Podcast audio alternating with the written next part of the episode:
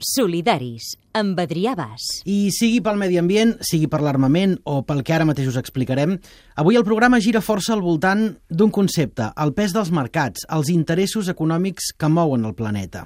Com per exemple, els tractats de comerç entre Europa i Nord-Amèrica, els famosos, el famós TTIP, Marta Molina, com estàs? Bona tarda, Adrià. No només el TTIP, també hi ha el TISA i el CETA mm. i segur que no tothom n'ha sentit anomenar. Barcelona ja s'ha declarat institucionalment ciutat contrària a la firma d'aquests tractats i ara seria el moment d'un posicionament oficial del Parlament de Catalunya. Aquesta setmana ha vingut a Barcelona Mott Barlow, és referent mundial de les lluites per l'aigua com un bé públic i és artífex de que els tractats de lliure comerç siguin una mica més justos. Va ser Premi Nobel Alternatiu de l'any 2005 i es va fer coneguda com a portaveu contra el Tractat de Lliure Comerç entre els Estats Units i el Canadà l'any 89, mira si fa temps, i també contra el NAFTA entre els Estats Units, Canadà i Mèxic. La Marta hi ha parlat.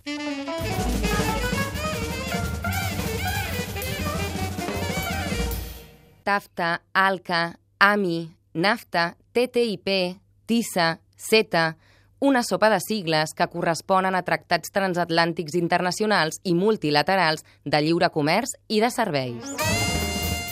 Sigles desglossades en dossiers interminables i que semblen encriptats pel llenguatge tècnic i econòmic que utilitzen, però que en realitat ens toquen molt de prop i afecten la nostra vida quotidiana. Per això hem aprofitat la visita de l'autora i activista canadenca Maud Barlow a Catalunya, que ha vingut a presentar l'informe Lluita contra el TTIP i el CETA, lliçons de Canadà. Desglossem les sigles. El TTIP, Tractat Transatlàntic de Comerç i Inversió, és un acord de lliure comerç entre els Estats Units i la Unió Europea, i el CETA, un acord integral d'economia i comerç entre la Unió Europea i el Canadà, que ja és en etapa de ratificació, mentre que el TTIP i el TISA, acord de comerç de serveis, són encara en període de negociació. Convidada per la campanya No al TTIP, Barlow, presidenta del Council of Canadian, una associació que lluita per la justícia social, adverteix als europeus que es preocupin per la salut dels seus ciutadans, per la resiliència de les seves comunitats, pel destí dels seus serveis públics i per la protecció dels seus recursos naturals. Segons Barlow, el CETA és una forma encoberta que tenen les empreses dels Estats Units per a oposar-se a les normes i regulacions d'Europa a través de les seves subsidiàries al Canadà. Per això adverteix que és crucial que els activistes i grups europeus considerin el CETA prioritari perquè queda molt poc temps per rebutjar-lo. Soc aquí per donar suport a la campanya contra el TTIP, però també per advertir-vos, a Espanya i a Europa, que el TTIP no és l'únic tractat. En realitat, són dos tractats bessons, l'un amb el Canadà i l'altre amb els Estats Units. I l'acord entre Canadà i la UE, el CETA, l'acord d'integració econòmica i de negocis, és molt similar al TTIP. I és igual d'injust i de vinculant. I fins i tot, en el cas que Europa aconsegueixi derrotar el TTIP o canviar-lo substancialment, les corporacions nord-americanes podrien seguir fent tot allò que els preocupava del TTIP a través del CETA. És molt important que la gent entengui que Canadà té una economia molt planificada, que totes les grans companyies petrolieres, l'agroindústria, les farmacèutiques nord-americanes per les que tothom està preocupat, totes tenen filials al Canadà i totes tenen ajudes del govern. Així que, si alguna d'elles tingués un problema, ho tindria fàcil per interposar un recurs a qualsevol govern europeu des del Canadà. Per això dic que és important que els que parleu del TTIP tingueu en compte el CETA, perquè van junts. I sobretot, que el TTIP encara es pot modificar, però el CETA ja està en fase de ratificació i això és molt perillós. És important que la gent el tingui tan present com el TTIP.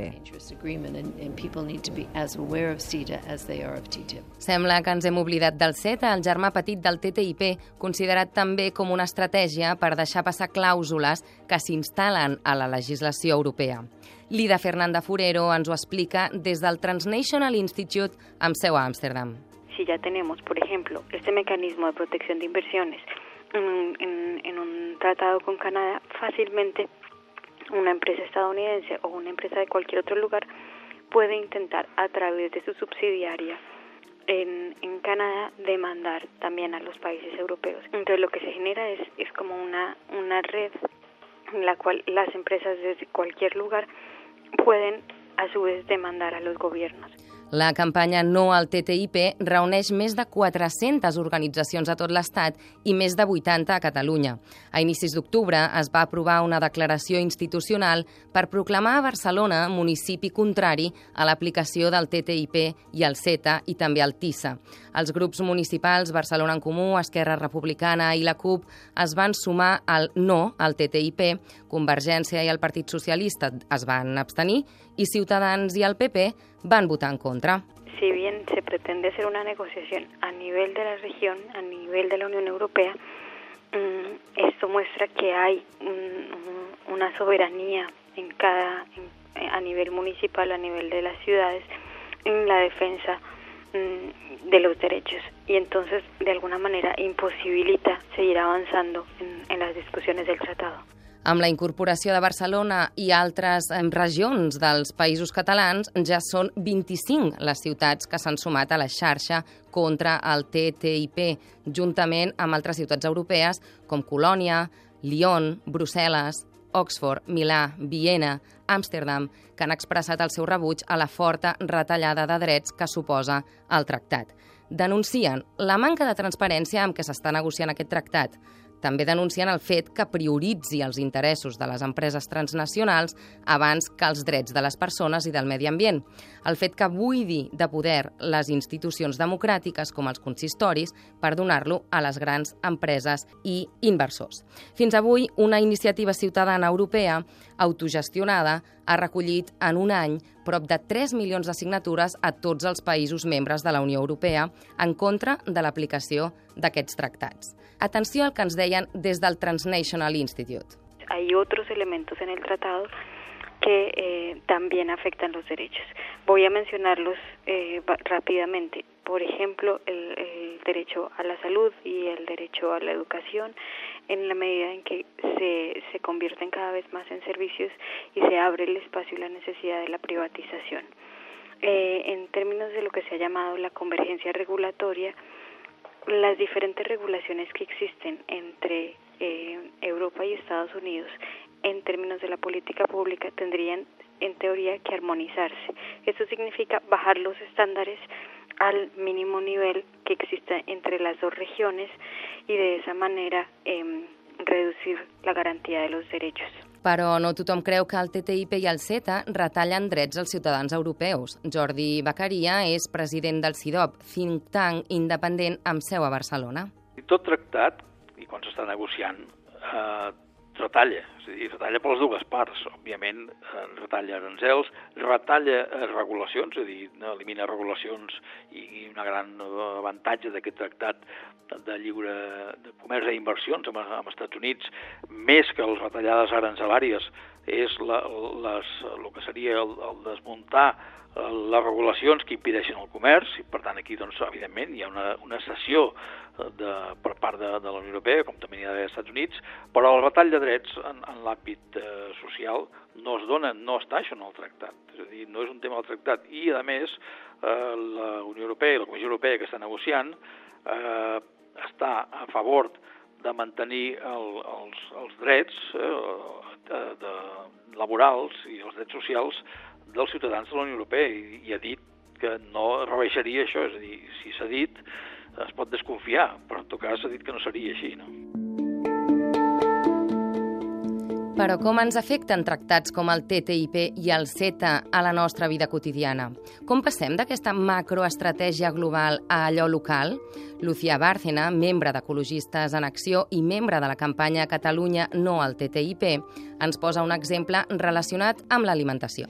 A todos nos gusta tener una alimentación que sepamos de dónde viene, eh, cada vez nos acercamos más a políticas de proximidad, de consumo local, agroecológico, que no solamente es bueno para nuestra salud, sino también para el medio ambiente y para el planeta. ¿no?